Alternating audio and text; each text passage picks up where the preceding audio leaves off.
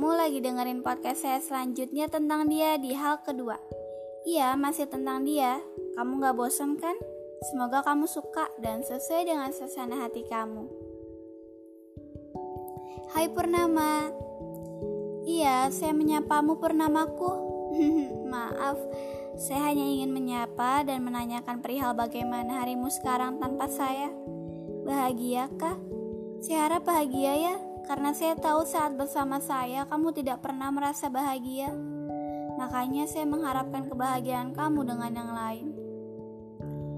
Hei, kamu tahu tidak? Saya tetap mengingatmu setiap kali melihat purnama. Maka dari itu saya menyebut dirimu purnamaku. Iya, purnama yang selalu jadi masa lalu saya dan tak akan kembali. Ya walaupun kadang kamu hadir, tapi hanya untuk mengingat bukan mengenang. Sekali lagi, apa kabar? Tahu tidak, untuk beberapa waktu ini saya sudah sedikit mengikis perasaan saya padamu. Saya bersyukur pada Tuhan karena mengabulkan doa saya yang setiap malam saya panjatkan. Tenang saja, namamu selalu saya selipkan dalam doa saya tentang bagaimana bisa lupa kamu dan tentang kebahagiaan kamu juga. Saya juga bersyukur saya sudah ikhlas melepasmu karena saya sadar dunia butuh senyuman saya, kebahagiaan saya juga. Hati ini sudah bosan menahan perih yang masih terus-menerus membuat luka. Suara rintik hujan kadang membuat saya sedikit tenang, tapi saya tidak bisa melihat bulan. Maka saya lebih suka berdiam diri di pantai, mendengar derai lembut ombak lalu menatap bulan. Kadangkala saya merindukan purnama karena saya merindukan kamu. Tapi saya bersyukur saya bisa menatap bulan dengan senyuman. Itu artinya saya sudah benar-benar bisa melepasmu. Karena dulu saat saya belum bisa melepas, yang ada derai air mata yang keluar. Saya juga bersyukur punya banyak teman yang bisa membantu saya melupakan kamu. Orang-orang yang bersedia membuat saya tersenyum Walau pasti ada juga saat-saat kamu mengingat kejadian di mana kamu menyakiti hati saya. Kamu jangan sakiti hati perempuan lain ya.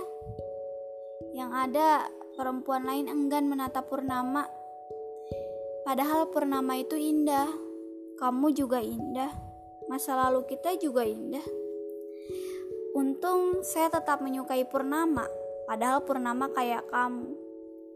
Kenapa saya sebut kamu purnama? Ya kamu indah. Purnama indah. Purnama datang di waktu tertentu dan kamu juga.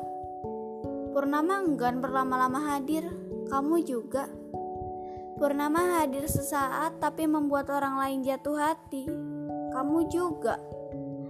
Jadi, jangan buat perempuan lain enggan menatap purnama hanya karena ia kamu sakiti cukup saya.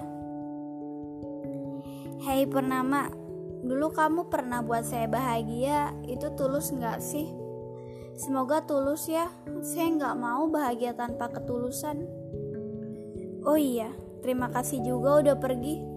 Jadi saya sadar bahwa kamu sudah tidak bisa lagi dipaksa bersama saya.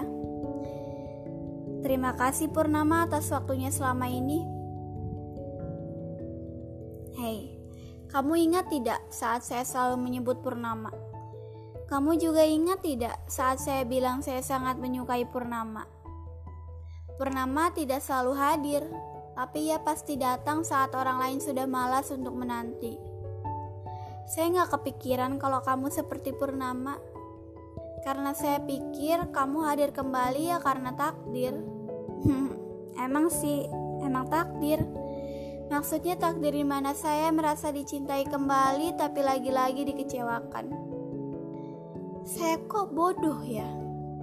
Saya tetap menerima kamu setelah kamu menyesal meninggalkan saya. Setelah ribuan maaf yang keluar dari mulutmu. Dan saya sangat ingat saat kamu bilang, aku pengen nebus semua kesalahan. Ya dulu masih mikir, ah bullshit lah. Semua orang bisa ngomong seperti itu dan kamu membuktikan dengan kisah. Makanya saya mencintai kamu kembali tanpa berpikir panjang. Saya nggak tahu saat kamu bilang kalau kamu masih sayang, saat kamu bilang kamu masih cinta, itu rasanya sakit. Saya nggak tahu kenapa sakit. Seharusnya saya senang. Mungkin rasa sakit batin saya karena emang ternyata itu hanya kebohongan semata. Dulu waktu kamu membuktikan bahwa kamu masih menyukai saya, saya berterima kasih pada Tuhan bahwa purnama yang saya nanti hadir kembali tanpa berpikir purnama itu bisa pergi kapan aja. Saya boleh sebut kamu purnama kan? Kamu benar-benar seperti purnama atau memang manusia bulan? Atau jelmaan purnama yang menghapus pelik saya sesaat sebelum menghilang dan menghadirkan kembali yang lebih dahsyat tanpa mau tahu bagaimana saya bisa hapus pelik itu kembali.